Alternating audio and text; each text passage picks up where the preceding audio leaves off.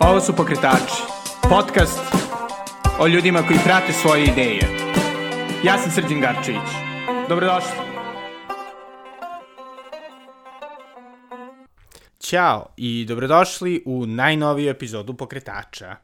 Današnji gost je niko drugi do et satana lično sa Twittera, Predrag Jokić, um, ali koji je ovde pozvan ne kao njegovo um, tamno visočanstvo, već kao autor uh, vrlo zanimljivog romana o kompleksnosti našeg 14. veka, uh, koji se zove Svetkovina. Sa Predragom sam pričao prvenstveno o Svetkovini, o tome kako je odlučio da se bavi takvom temom, kako izgleda promovisanje sobstvene knjige preko društvenih mreža i kako ima smisla da svoje projekte literarne, a možda i istorijske, ovaj, ostvarujete uz pomoć istih. E, takođe smo pričali i o njegovom drugom projektu e, koji uključuje promociju naše srednjevekovne kulture preko ponovo jeli, društvenih mreža, kroz fantastične e, vizualne radove koje pravi, ali i o njegovom učešću u vrlo zanimljivom projektu, to jest inicijativi, e, oko obnove prelepe magličke tvrđave. Pre nego što čujete Predraga i njegovu priču o tome kako koristiti e, društvene medije za nešto e, malo više od e, flame warova, Uh, hteo bih da vas podsjetim da možete da donirate pokretačima preko Patreona na adresi patreon.com kosacrta Belgrade ili preko Paypala na adresi paypal.me kosacrta Sgarcevic. Svaka donacija dosta znači i hteo bih da se zahvalim svim divnim ljudima koji prilažu. Hvala puno, bez vas bi ovo bilo sve dosta teže i još manje profesionalno. A sada bez duženja, ovo je Predrag Jokić. Hvala puno. E, Predraže, ti si jedan od ljudi e, zbog kojih mi je izrazito drago što Twitter postoji, makoliko to ponekad naporno iskustvo bilo. Ove, Hvala. pa vi, pa, ajde da, da krenemo odma od tvoga trenutnog e, magnum opusa, Svetkovine. E, kako si odlučio da, da napišeš roman o Srbiji u 14. veku? Ja sam zapravo od uvek hteo nešto da napišem i po glavi su mi se vrzmale razne ideje.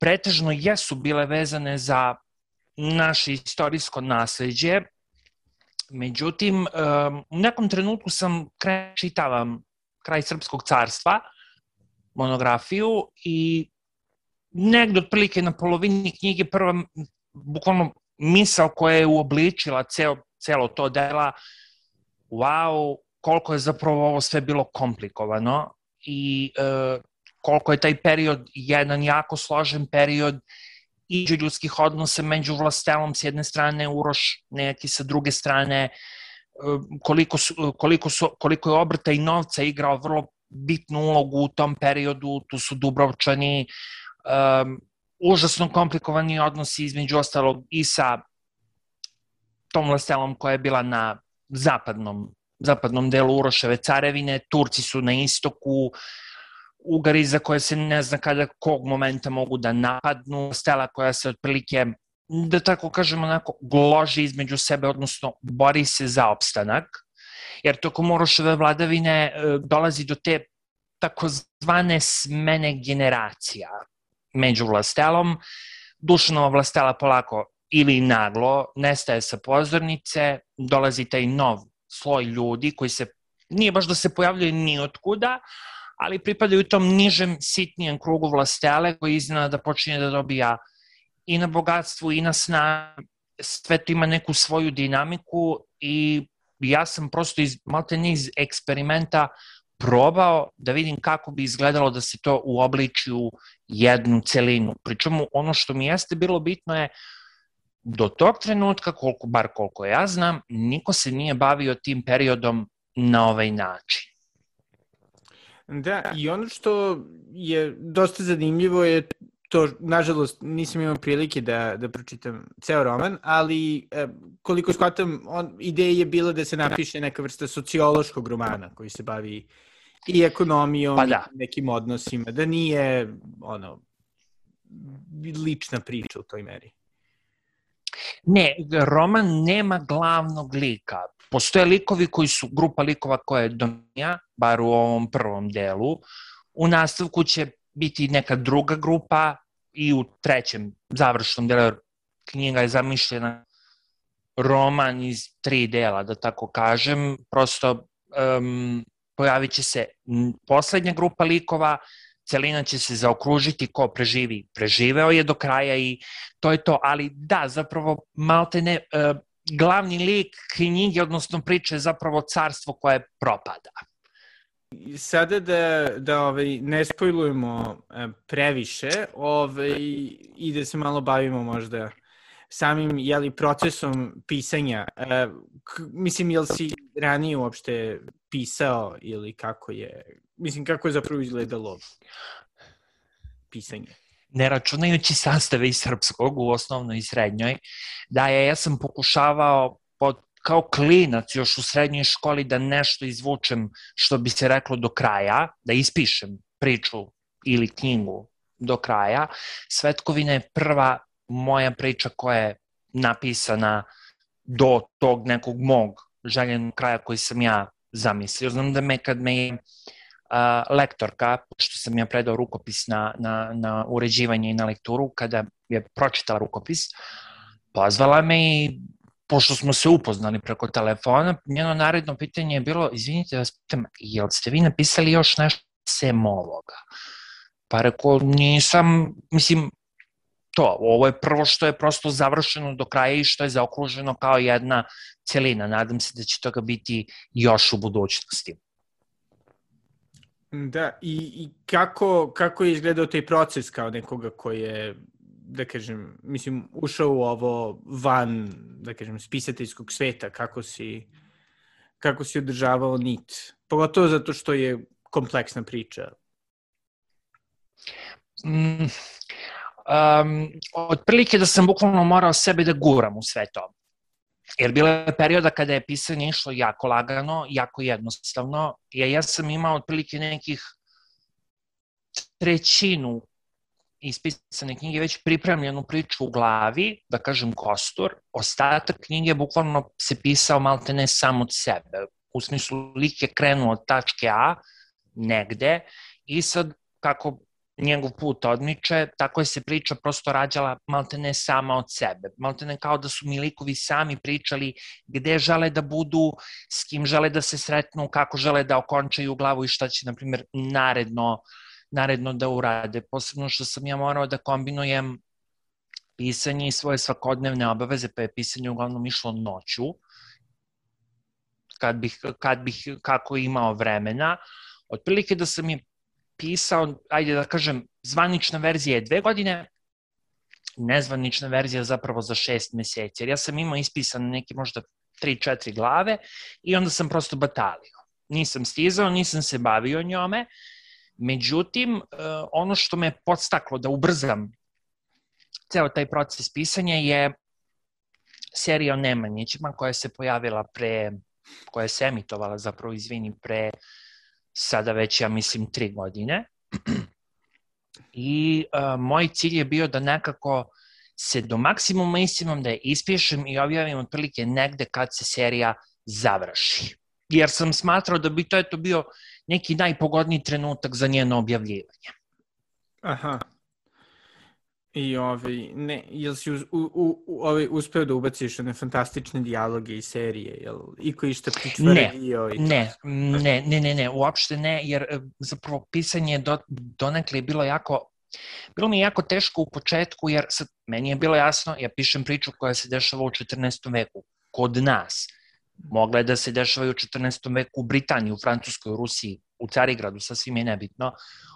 Ono što je meni bilo važno je da u toku pisanja do maksimuma izbegnem gde god i koliko god mogu ikakav misalni konstrukt koji podsjeća na savremeno. Jer ti ljudi nisu mogli da razmišljaju savremenim kategorijama o kojima mi razmišljamo. Da, i... Isto tako sam se trudio da nema neologizama, da nema nelicizma, nema turcizma, da jezik prosto bude što je moguće čistiji i da bude u skladu sa koliko toliko govorom koji je tad preovladavao. Mislim, i kako je uopšte izgledalo to ubacivanje u tu perspektivu jeli, 14. veka? Jer je to nešto što je najteže u istorijskim romanima. Pa, mm, recimo da sam u prvom trenutku, pošto mi je jedan od uzora u ovoj vrsti pisanja, britanski pisac koji se zove Robert Graves, koji je svojevremeno napisao roman o imperatoru Klaudiju, čak je postojala i serija TV ekranizacija, u toj knjizi uh, gde je on knjigu iz dva toma ispisao stilom kakvim su se stilom koji je se koristio u tadašnjem Rimu tako što je oponašao Klaudijeve Klaudijeva pisma, ja mislim, ili memoare, sad nisam nija siguran, ali je čovek to uradio bukvalno hiruški precizno, što je naravno knjigu, što knjigu čini donekle teškom za čitanje, ali svakako je dobra. Meni je to bila polazna ideja. Prvo sam iščitavao žitija, zbornike, sve što je imalo veze sa pisanjem u našem srednjem veku, gde sam onda shvatio da to ne svem potpuno da oponašam, jer dijalozi neće imati potrebnu dramu, dinamiku, neće biti humora, neće biti tog potrebnog tonaliteta za, za dinamiku priče i onda sam gledao da gde mogu koristim arhaizme, ali da ne preteram opet sa time, prosto tekst ne bi bio poprilično nerazumljiv čitaocu. Morao sam i o tome da vodim računa, tako da sam otprilike se kretao negde između tog uh, uzvišenog narativa kojim je se pisalo kod nas u srednjem veku i otprilike da ti ljudi izražavaju emocije na način na kojih mi izražavamo danas i oni verovatno tada, samo opet kažem bez reči i misalnih konstrukata koji danas postoje. Jer, na primer, recimo, um, prosečan zemljoradnik, sebar, u 14. veku ne može da razmišlja u kategorijama današnjih ljudi, jer prosto on je vezan za zemlju, vezan je za vlastelina, njemu su koncepti poput um, ljudskih prava, plaćenog odmora i tih stvari potpuno nepoznati. Da. Mislim, sad ja malo banalizujem ovako kroz govor, ali to mi je otprilike bio cilj. Da, pošto to je ono što je zapravo nekako najteže. Mislim, jer nekako ono, vrlo je teško izbaciti se iz tih nekih ideja e, sobstvene civilizacije, a da, tada su ljudi imali fundamentalno drugačiji odnos prema životu, mislim, možda prema metafizici, ali sve... Upravo to, bile su, to, bile su mitnje potpuno... Mislim, postoji, ali sve su bili su svesni nekog svetih stvari koje mi nemamo taj odnos. Upravo to, kod njih je postala određena hijerarhija koja danas ne postoji, ne postoji nigde. Um, ili, evo, na primer, uh, možda neki jednostavan primer, koncept uh, prilikom izbora bračnog partnera kakav danas postoji, tada nije postojao. Da. Tako da s, o svemu tome moralo dobro da se vodi računa, a da opet bude uh, dinamično i zanimljivo čitaocu da prosto prati celu tu priču. Mm, da. I čisto me interesuje, jeli, pošto ono, sve to zahteva dosta vremena, dosta uživljavanja u ceo taj svet. Kako je tvoja okolina reagovala na tako ambiciozan projekat? Pa iskreno, moram da kažem, bili su puni razumevanja, jer pisanje čitanje gomile literature da bi se to ispisalo na taj način je zaista oduzimalo mnogo vremena, mog, tuđeg, energije, uh, gomila stvari je morala prosto da bude stavljena na stand-by, tako da um, imao sam punu podršku svih meni bitnih ljudi koji, su me, koji me okružuju, tako da ovaj, uh, mislim da je sve ovo na kraju jako lepo ispalo, knjiga je zaživela, a i moj i njihov trud je prosto uh, prosto se isplatio, da tako kažem. Da, i kad smo kod, kod toga truda, jeli, samo jedan deo uh, objavljivanja knjige je pisanje, onda tu postoji, kao što si pomenuo, lektura i uopšte izdavanje. K kako je taj proces izgledao, pogotovo zato što ono nisi nisi kod nekog velikog e, izdavača. Da, to jedini zanimljiviji deo od pisanja je kako objaviti sobstvenu knjigu. Da. Ovaj, a, nisi jedno od prepoznatljivih ili unosnih imena. To znam, um, nije bilo lako, bilo je komplikovano i prosto je zahte, zahtevalo jedan određen procenat strpljenja. Jer ja dok sam pisao, odnosno kako sam već počinjao da privodim ceo taj proces kraju, uh, krenuo sam da se prosto raspitujem po internetu, da razgledam, da gledam, da vidim da tu ima, kako se to radi, šta imaju da kažu ljudi koji su kroz to prošli. Ima sjajnih priča, sjajnih blogova ovaj, na, tu, na tu temu. Um, kada, kada sam krenuo u sve to, mislim, evo bit ću iskreni prema tebi, kao što sam bio prema sebi u tom trenutku, meni jeste bilo jasno da rukopis tog obima će neki od većih, ozbiljnijih izdavača, ovih krupnijih, teško da prihvati, jer ja za njih ja sam, anon, sam anonimus, nisam neko ime koje će njima knjigu ob, tog obima da rasproda lako ili prosto da im vrati uloženi kapital prosto mi je bilo jasno da moram da idem na onu varijantu književnih konkursa, sam izdate i tako to. Gledao sam čega tu ima, šta ima, mm, slao sam isečke rukopisa gomile izdavačkih kuća, prosto je to, ajde, što da ne. Ovaj, da bih na kraju sasvim slučajno, malte ne, pred sam kraj cele te potrage, koja je bila malo iscrpljujuća, ovaj, naleteo na, na da tako kažem, izdavačku kuću, ona to je kuća koja se, zove se IBN studio, ona je u Beogradu i e, krenuo sam da sarađujem sa, sa svojim urednikom Ivanom, ovaj, koji je pogledao rukopis i po nakon prvog razgovora sa njim vidio sam da on postao jako entuzijastičan kada je rukopis u pitanju, krenuli smo u lekturu uh, oni su onda odradili taj kompletan posao uredničkog čitanja, lekture, preloma, ja sam dizajnirao korice za prvo izdanje, one sad izgledaju malo drugačije, kolorit je do duše isti. I uh, otprilike da je nakon par meseci cele te uredničke peripetije bila gotova i spremna za, za distribuciju. E sad, paralelno sa tim, ja naravno sve vreme sedim i na Twitteru, u tom trenutku kao i ogromna većina ljudi koji, koji konzumiraju tu društvenu mrežu, krijem svoj identitet, ne zna se koja osoba koja sedi za profila Sotona lično. Znala je par ljudi koji su iz mog privatnog okruženja, ali oni prosto to ničim nisu signalizirali da znaju ko sam. Da je meni jednog momenta u toku pisanja postalo jasno da je iz nekog razloga, meni je danas dovoljno jasno, ljudima bilo bitno da saznaju ko je Sotona i ko sedi iza tog profila.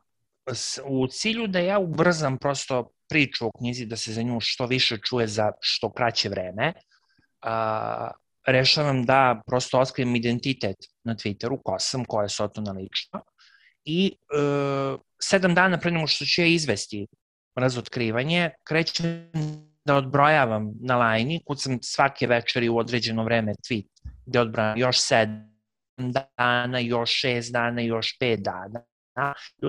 Ljudi počinju da primeće, provaljuju da će nešto da se desi, pa onda zapitkuju šta to broji, šta će da bude. Neke citate iz, iz Biblije, iz otkrovenja Jovana Bogoslova da bi prosto pojačao ceo taj, celu tu, ajde da kažem, euforiju. I onda te sed večeri, u, znači, mislim da je bilo pola deset, ako nešto, i ja počinjem to, najavljujem po prvi put posle sedam godina, jer ja Twitter koristim od 2011. Ovaj, to je se 2018 desilo. Ovaj, tri tačkice i u narednom tweetu pljas, moja slika, ime, prezime, knjiga, ljudi tu prvi put vide koja je Sotona, kako osoba koja izgleda iza tog naloga izgleda, kako se zove kreću u retvitovanje i na taj način je knjiga puštena u svet. To mi je to bilo od, zapravo od velike, najveće pomoći za sad. I kako, kako si se ti osjećao povodom toga, da kažem, face reveala, pošto, jeli, Twitter nije baš ono najprijatnija mreža, a i tvoj profil je zezatorski dosta, mislim. Da, i zezatorski je ume da bude prilično neprijatan. Pa, znaš kako, u tom trenutku, uh, par ljudi koji su, ajde, ono, iz najužeg kruga koji su otprilike znali ili pogodili šta je, bilo kao, pa ti frko, pa znaš šta, ono, da budem kao, nije mi baš sve jedno, ovaj, uh, ali, jer da, da, činjenice anonimnost opušta, ne samo mene opušta sve, ovaj, ali ovo je gotovo, ja sam u to ušao, ja sad ovo moram da odradim do kraja, izbaci sve na lajnu i uh, što znam, prvog trenutka je bilo onako, š, prvo meni je bio šok, ljudima je bio šok, vidim da su ljudi onako vrlo lepo reagovali, tako da u principu, mislim, sve to onako ispalo malo ne kao neka luda online žurka, mislim, barem je meni tako izgledalo, tako da to mi onako baš, kad je Twitter u pitanju, kao jedna vrlo živahna, dinamična društvena mreža na kojoj se svašta nešto dešava, ovaj, to mi je onako jedna od, ajde da kažem, lepših uspomena sa te mreže. A, super. Znači, fino je, fino je prošlo. A sada ovaj, da, da, da, da priđemo na, na drugi aspekt koji isto mm -hmm. povremeno, osnovno rečeno, reklamiraš na Twitteru. To je zapravo prelep, da kažem, 3D modeling i dizajn ispravi me što se terminologije tiče, e, koji dosta ima veze sa našom jeli, srednjevekovnom umetnošću. Kako si, kako si ušao u taj svet? Uh, pa, znaš kako, uh, se, uh, ovo što si ti poslednje vidio što se tiče modeliranja, uh, to je zapravo samo medij kroz koji ja reklamiram, da kažem, reklamiram knjigu, odnosno reklamiram, bavim se celom tom, svim tim sadržajima poznom 14. veka kod nas, svakodnevice 14. veka kod nas. To isto radim i na Facebook stranici i na Instagramu, jer uh, meni je prvenstveno bio cilj i pišući Svetkovinu i proučavajući materijal kroz nju da prosto koliko god mogu upakujem u jednu kompaktnu celinu, u slučaju knjige tekstualnu, uh, jednu tekstualnu celinu um, koliko je taj svet bio dinamičan, pun svega, pun stvari o kojima mi pojma nemamo, koje su meni bile potpuna novina dok sam, dok sam ih otkrivao, jer to je ipak period kada smo mi u vrlo tesnom kontaktu sa italijanskim gradovima u kojima već kreće renesansa polako, da se humanizam i renesansa kreću da se pojavljuju u naznakama, ovaj, kroz te trgovačke odnose, to polako počinje taj duh se prela, prosto preliva i kod nas. Um, I onda mi je cilj bio da prosto tu svakodnevicu ljudima približim kroz novčane transakcije, pravne odnose, imovinske odnose, položaj žene kod nas u srednjem veku, koji zapravo, čemu o tome sam pričao na, na, na, na Twitteru, koji zapravo nije bio toliko počinjen kako se obično misli. Činjenica je da žena odnosu muškarca jeste bila počinjenija, ali ženi višeg društvenog sloja je bilo omogućeno ono što muškarcu nižeg nije. Tako da ima tu zaista stvarno svega i svačega i, i jako vredno, jako zanimljivog. I onda je meni bio cilj da prosto kroz te svoje objave proširim priču o knjizi i o celom tom svetu u kojem se knjiga dešava. E, umeđu vremenu, sasvim slučajno, nešto bukvalno brljajući po YouTube-u, da li mi je iskočila neka sponzorisana objava, nešto kao 3D software, modeling, dizajn, čekaj rekao da vidim šta je ovo. Pričemu sad, znam otprilike šta je, ali ja nisam u tome, prosto ja nisam arhitekta, ne, nisam nikad radio u, u AutoCAD-u, kako se to već zove, samo sam gledao i pojavio se taj program, zove se Blender, gde ja počinjem da kapiram da taj program otprilike može da napravi maltene simulaciju realnosti, realnog prizora do mere da ljudi budu zbunjeni jer ne znaju da li gledaju fotografiju nečeg što stvarno postoji ili u jako dobro izveden 3D model. I onda mi je prosto cela ta priča sa modeliranjem služi mi da celu tu priču oko našeg srednjeg veka i kulturnog nasleđa i svakodnevice u potpunim tim vizualnim prikazima, jer mi zapravo, nažalost, a, nemamo toliko tih sem Nemanjića serije, gde moram da se ogradim, scenografije i kostimi su urađeni prilično dobro i relativno verno originalima, ovaj, mi zapravo nemamo toliko toga u ponudi, ni na internetu, ni kroz literaturu, postoji, ali ne toliko. I onda mi je ideja bila šta bi ja sa ovim mogao da izvedem. Postoje stvari koje sam uradio, nisam ih još objavio jer nisu još uvek za objavljivanje, to što poručilac želi ekskluzivno pravo da on to prvi objavi, ali prvo mi je bila, bila želja da rekonstruišem krunu kralja Milutina, recimo, jer ona zaista izgleda jako spektakularno, čak i u onim ostacima u Gračanici koji se vide na fresci. Freska je jako oštećena. Ovaj, I prosto mi bio cilj, ajde da krenemo odatle, pa ćemo da vidimo šta ćemo naredno. Trenutno radim na nečemu, kačim na Twitteru povremeno kadrove toga. Još uvek se ne, ne nazire da je gotovo, ima tu još puno posla, ali bit će relativno uskoro gotovo, pa će moći svi da vide.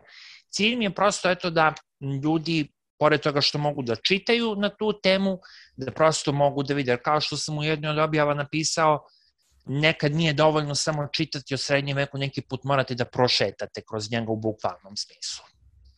Da, i, ovaj, i što nas dovodi jeli, do, do tvoga uh, ovaj, napora i, i rada jeli, na izložbi Obnovimo Maglič, koja sada i pravi malu turu po Srbiji koju si ti dizajnirao, Jeste. isto kao deo većeg tima. Kako, da. kako je to krenulo? Um, um, krenulo je bukvalno potpuno, potpuno slučajno, to su sada već moji drugari iz Beograda, Bogdan i Petar, oni su istoričari, ovaj, sasvim slučajno smo se našli na internetu, na Instagramu tačnije, je, ja tamo imam stranicu koja se bavi knjigom i usko 14. vekom, odnosno tim, tom drugom polovinom 14. veka, oni imaju svoju stranicu koja se bavi kompletnom našom srednjevekovnom istorijom i zaostavštinom. Znači, njihova tema je mnogo šira od moje. I ovaj, a, prosto smo zapratili jedni druge, krenuli u neku komunikaciju, njima se, njih je zainteresovala knjiga, proverili su o čemu se radi, uzeli na čitanje, svidelo im se mnogo. I ovaj, onako, kroz, neku, kroz neki opušteni razgovor, ja, na primjer, Petru, kažem da otprilike umem da radim u Photoshopu to i to, da mogu da izvedem to i to.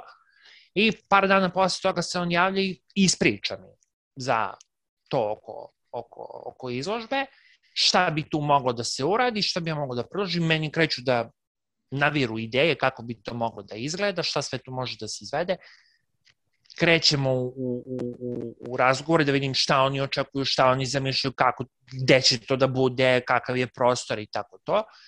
I onda smo mi zapravo svako za sebe, odnosno svako u svom delu, u svom delu posla, oni su imali jedan deo posla, moj je bio ovaj usko vezan za Photoshop i za Illustrator, ovaj, odradili svako svoj deo i to je sve krunisano tom prvom izložbom u Golubačkoj palati, koja je stvarno mm, znam kad me je Petar pitao kao kako ti će neko, šta, ja sam iskreno mogo donekle da zamislim kako će izgleda, će ti izgleda ovoliko dobro, ne bi mi palo na pamet stvarno.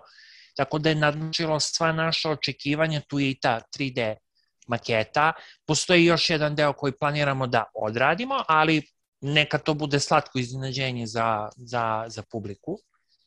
U principu bitno je ne sedimo dokoni, Ovaj, jer i njima dvojici kao i meni je jako bitno eto, da se cela ta priča oko naše srednjevekovne zaostavštine učini vidljivom. Da prosto um, da možete da, da, da, da možete da pređete most preko Magliča, da ušetate u Maglić, da prošetate uh, po zidinama, kroz kule i ne samo kroz Maglić, nego kroz gomilu drugih lokacija koje postoje, koje su, nažalost, ili zaparloženi, ili nisu adekvatno obeleženi, ili nemate adekvatnu stazu do njih. Pre neki dan mi je, na primjer, on poslao bukvalno u poruci ostatke nečega i ja sad gledam, preko, čekaj, gde, je, gde se ovo nalazi? Pa to ti je, kaže, to su ti, kaže, ostaci kupinika.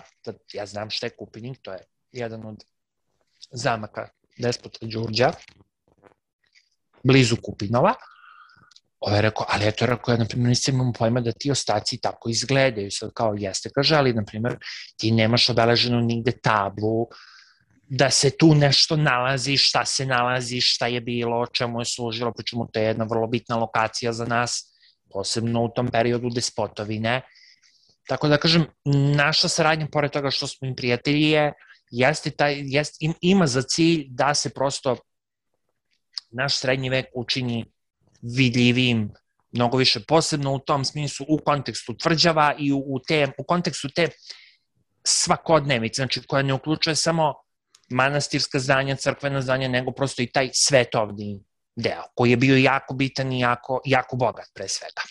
Da, i koga je naravno najmanje ostalo. Upravo to, upravo to.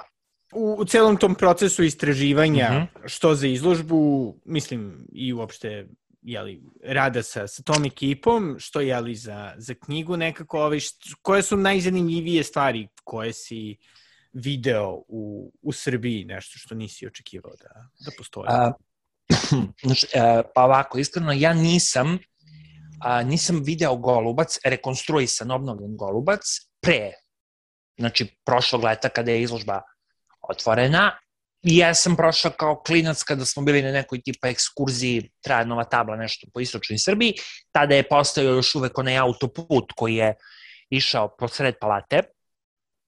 Ovaj, to je bio moj jedini prolazak kroz Golubac i naredni je bio prošle godine na otvaranju izložbe tog dana i znam da mi je o, prvo sam prizor te, te tvrđave je nadrealan, jer sad jedno je kad ti nju gledaš na fotografijama, ona je iz svakog ugla spektakularna, uh, ali sama činjenica da stojiš pred njom koja je ogromna, koja ti stvarno pomeri doživlja i monumentalnog, je, je neizreciv, posebno što sam je imao tu sreću ili nesreću, da bio, prosto bio je avgust, vreme je bilo jako nestabilno, premala je se oluja, uhvatila nas je stravična ona grozna letnja oluja gde se ne vidi ništa, gde smo mi uspeli da se jer nismo stigli da izađemo iz, iz, iz Golubca, da, da, da se probijemo do kola, nego smo prosto utrčali u jednu od onih sporednih kula gde su,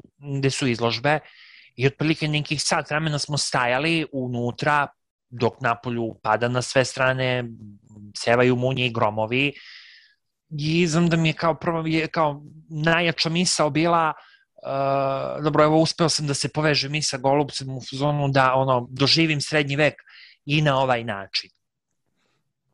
Mm. Da, sjajno. E, ovaj, a, a što se tiče tog tehničkog rada, šta mi je prosto bilo, pa ništa, evo, zahvaljujući izložbi, obnovimo Maglići, radu na njoj, naučio sam kako se radi priprema za štampu, jer to nisam znao, sad znam i to. Uh, Ovaj, I definitivno sam video dok, dok, kolike su mi granice kada se radi pod presijom i za, i za kratko vreme i šta sve možeš da uradiš kad imaš otprilike ono što se kaže deadline za nešto. Da, i ove, i, i, i jel, ono, ima, ima razloga da se nadamo skoro i obnovi Magliča ili kako to, kako to napreduje? Pa, znaš šta, sad, ja nisam, nisam relevant, najrelevantniji za, za to pitanje, jer moj deo je ovaj, što bi se reklo, kreativni, o, taj konkretni deo je na, na njima dvojici, ovaj, mi se stvarno nadamo da će od toga biti nešto, ali za sad prosto kažem, ja nisam, nisam najpozvaniji da, da, da govorim na, na tu temu i u njihovo ime, ali da. to, kažem, eto, za sad samo nadamo da će, da će sve to prosto da urodi plodom, eto.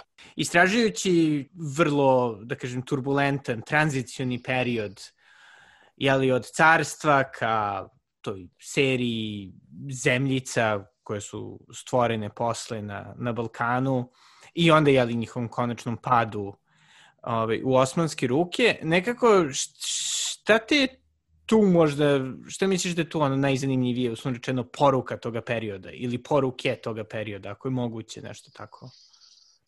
Um, znači. um, poruke postoje i jako su zanimljive, ali nisu, nisu optimistične, jer um, ono što jeste nekako da kažem donekle tužna istina, nama se istorija iznova ponavlja, a svi znamo zašto je to tako. Mm, I prosto, e sad, s jedne strane to, ponavlja nam se, mi je konstantno živimo, mi jesmo narod koji trenutno proživljava vrlo intenzivan istorijski period, ovaj, ali sa druge strane ja sam jako optimističan jer um, da, carstvo se jeste raspalo, Turci su došli, ali ni to nije period koji je se desio, znači nije nešto što je se odigralo odmah i za noć, nego je prosto bio jedan vrlo dug period gde su i naši vladari pokušavali da, da gde su davali svoj maksimum pokušavajući da spasu šta se, šta se spasti moglo. Ovaj, um, tako da kažem, um, moramo da budemo u toku sa, sa, sa onim što nam se dešava, moramo da budemo svesni svoje, svoje pozicije u jednoj široj slici, da mi tu nismo sami, da prosto se stvari odvijaju mimo nas i da mi ne doprinosimo celokupnoj, da tako kažem, celokupnoj slici. Da, da, i nekako, i šta bi, recimo, bio tvoj savet za, za mlade pisce, ako žele da se ovaj, bave nekim tako ambicioznim projektima kao što je tvoj? Moraju da pišu. moraju da pišu, moraju da budu jako uporni. A, ovo jedan moj drugar je skoro objavio knjigu, on je isto sam izdat kao i ja, samo ga ja, na primjer, jako često zadirkujem kad god sam u prilici, jer sad ja mu kažem, dobro, a, dobro, sve to super i ti si to napisao i odštampao i ukoričio i to je lektorisano i to jako lepo izgleda i on je sam sve dizajnirao. I sad ga ja, na primjer, pitam, dobro, a, a gde su ti profili na društvenim mrežama? Ja, pa ja to ne mogu. Pa moraš. Jer danas ako nema, ako se nije desilo, ako ga nema na internetu, nije se desilo. Tako da danas društvene mreže mnogo toga regulišu i pomažu puno, da, ume da bude jako naporno, jako neprijatno, svi znamo da Twitter nije baš najprijateljskija društvena mreža, ali nema veze u tome je u tome je njegova, prosto njegova čarolija. Ovaj, tako da, da, mora, znači, pišite i pravite profile po društvenim mrežama. Da, u znači, pauzama. Da, da, da, da. Pa dobro, i ono, i oni su dobri za, za neku inspiraciju. Mislim, ono što je isto zapravo fascinantno je na Twitteru, pogotovo van Srbije, konkretno u Americi, koliko ima ljudi koji rade slične stvari kao ti. Mislim, ono, trude se nekako da, ono, guraju svoju, svoje knjige, svoje razne druge projekte i zapravo dosta uspevaju ono, da. delimično zbog veličine tržišta. Da, dobro, da, njihovo tržište je M neuporedivo veće od našeg, M je drugačije, neke stvari kod njih tu malo drugačije funkcionišu i drugačije su podešene. Što se nas lično, konkretno tiče, um, ovo što sam rekao po sistemu, ako se nije, prosto ako ga nema na internetu, nije se desilo. Što to kažem, um, vi imate jako obimnu čitalačku publiku. Ja ne volim kad ljudi kažu, znate da nas ništa ne čita, prvo nije tačno, svi vi na društvenim mrežama, znači moraju nešto i da pročitaju tamo, čak i na Instagramu. Ovaj, ljudi čitaju, ali um, zbog um, celokupnog tog izdavačkog, našeg izdavačkog sistema, gomila ljudi je se povukla na društvene, prvo povukla na društvene mreže, uh, a onda ih je prosto osvojila i počela da ih koristi do maksimuma za svoje, za svoje proizvode iz prostog razloga jer nisu mogli da dođu do tih regularnih velikih izdavačkih lanaca i vi sad bukvalno zahvaljujući tome malte ne imate zasebnu subkulturu koja funkcioniše potpuno nezavisno i mimo književne kritike koja može da bude relevantna, a i ne mora nužno, jer viđali smo par skorašnjih promašaja na tu temu. Ovaj, um, tako da, mene lično raduje što postoji cela ceo taj kanal društvenih mreža, ne samo zbog mene, naravno, nego zbog gomile drugih ljudi koji se bave sličnim stvarima poput mene. Nebitno da li dizajniraju garderobu, da li se bave copywritingom ili, ili, ili nečim sličnim ili prosto se oglašavaju, oglašavaju neku svoju drugu, da kažem, delatnost, zanat. Da, super. Ili postoji neki aspekt svega toga koji ti malo ne godi? Pa iskreno ne. Um, uh, postoji moment gde, gde internet može da bude onako nezgodan jer uh, prilično oduzima vremena, ali sa druge strane i tu osoba koja seda na internet mora da bude dovoljno jaka da se tome odupre i da sama sebi odredi po, po sistemu, ok, danas ću da budem pola sata na Twitteru ili 45 minuta ili od danas mesec dana neću ući na Twitter jer ću da radim nešto drugo, pa ću da se vratim sa tim na mrežu i da im to prosto je to prikažem tamo.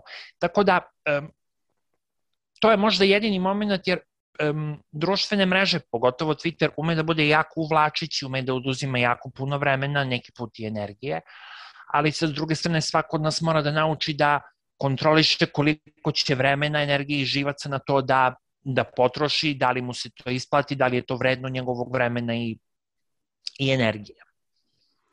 Da, svakako. Ja, jedna stvar koju, pošto se isto jeli bavim pisanjem do dušu uglavnom članaka, ne, ne knjiga, nikad nisam ovaj, imao tu disciplinu tako da ovaj, čestitke, to mi je impresivno. Ovaj, nekako da, kako, kako nalaziš to balansiranje, ono, pisanja simpatičnih ovaj, stvari u 240 karaktera i zapravo rada na jeli, nastavku svetkovine? Pa, znaš kako sad, gomil, kad pričam sa ljudima na temu mene na Twitteru ili mojih tweetova, ja zapravo tamo dobar deo vremena kompulsivno lupetam. Da. Um, tako, mislim, kompulsivno lupetam, su pišem prvo šta mi padne na pamet. Uglavnom ne filterišem, uh, jer bi mi to oduzimalo dodatno. Prosto napišem, okačim i sad to je ono, aj sad, pustili smo ga u javnosti i to je to. Uh, više mi vremena oduzima i pripreme kada radim te, ja ih zovem seminarima, gde ja okačim neku priču, kao Jeleni Anžujskoj recimo, jesenas, ili raskrinkavanje jedne ove grane pseudoistoričara, mm -hmm. koja je užasno, užasno naporna i, i, i, i nije što ne može da im se objasni, nego što su to prosto grupa ljudi koja je prvo toliko zabludela, očekuje da bude tretirana kao ravnopravan sagovornik, toga prosto nema. Kojim, o kojima se tačno radi? Da, da prebacimo beef i na, i na podcast. Uh, to je cela ova ovaj klaster nije bilo doseljavanja Srba na Balkan, srbski jezik, negiranje Vukove reforme. A. To je u principu ceo jedan konglomerat, je sad tu postoje otprilike neke nijanse, male, zanemarljive razlike između njih, ali otprilike to je prosto, to je sad, vi imate tu grupu ljudi koja prosto to ne barata s dovoljno činjenica, što je okej, okay, niko od nas ni ne barata uvek o svemu, ali s druge strane, pogotovo na Twitteru, vi imate jedan određen broj ljudi koji, za koji postoji opravdana bojazan da plasiraju taj materijal sa razlogom i određenim ciljem. Zato šta je, šta je mene postaklo da, da okačim taj seminar koji je otprilike se vrteo posle narednih tri meseca po, po, po, po Twitteru malo, malo pa su mi skakale notifikacije, previše tih ljudi je počelo da mi sedi na nalogu i da mi, da mi objašnjava kako nije bilo doseljavanja Srba, pa kako je Porfirogenit lažao, pa kako je to sve falsifikat, pa kako je to... Sad, ja sam se prvo dobar deo vremena slatko valio od smeha na sve to.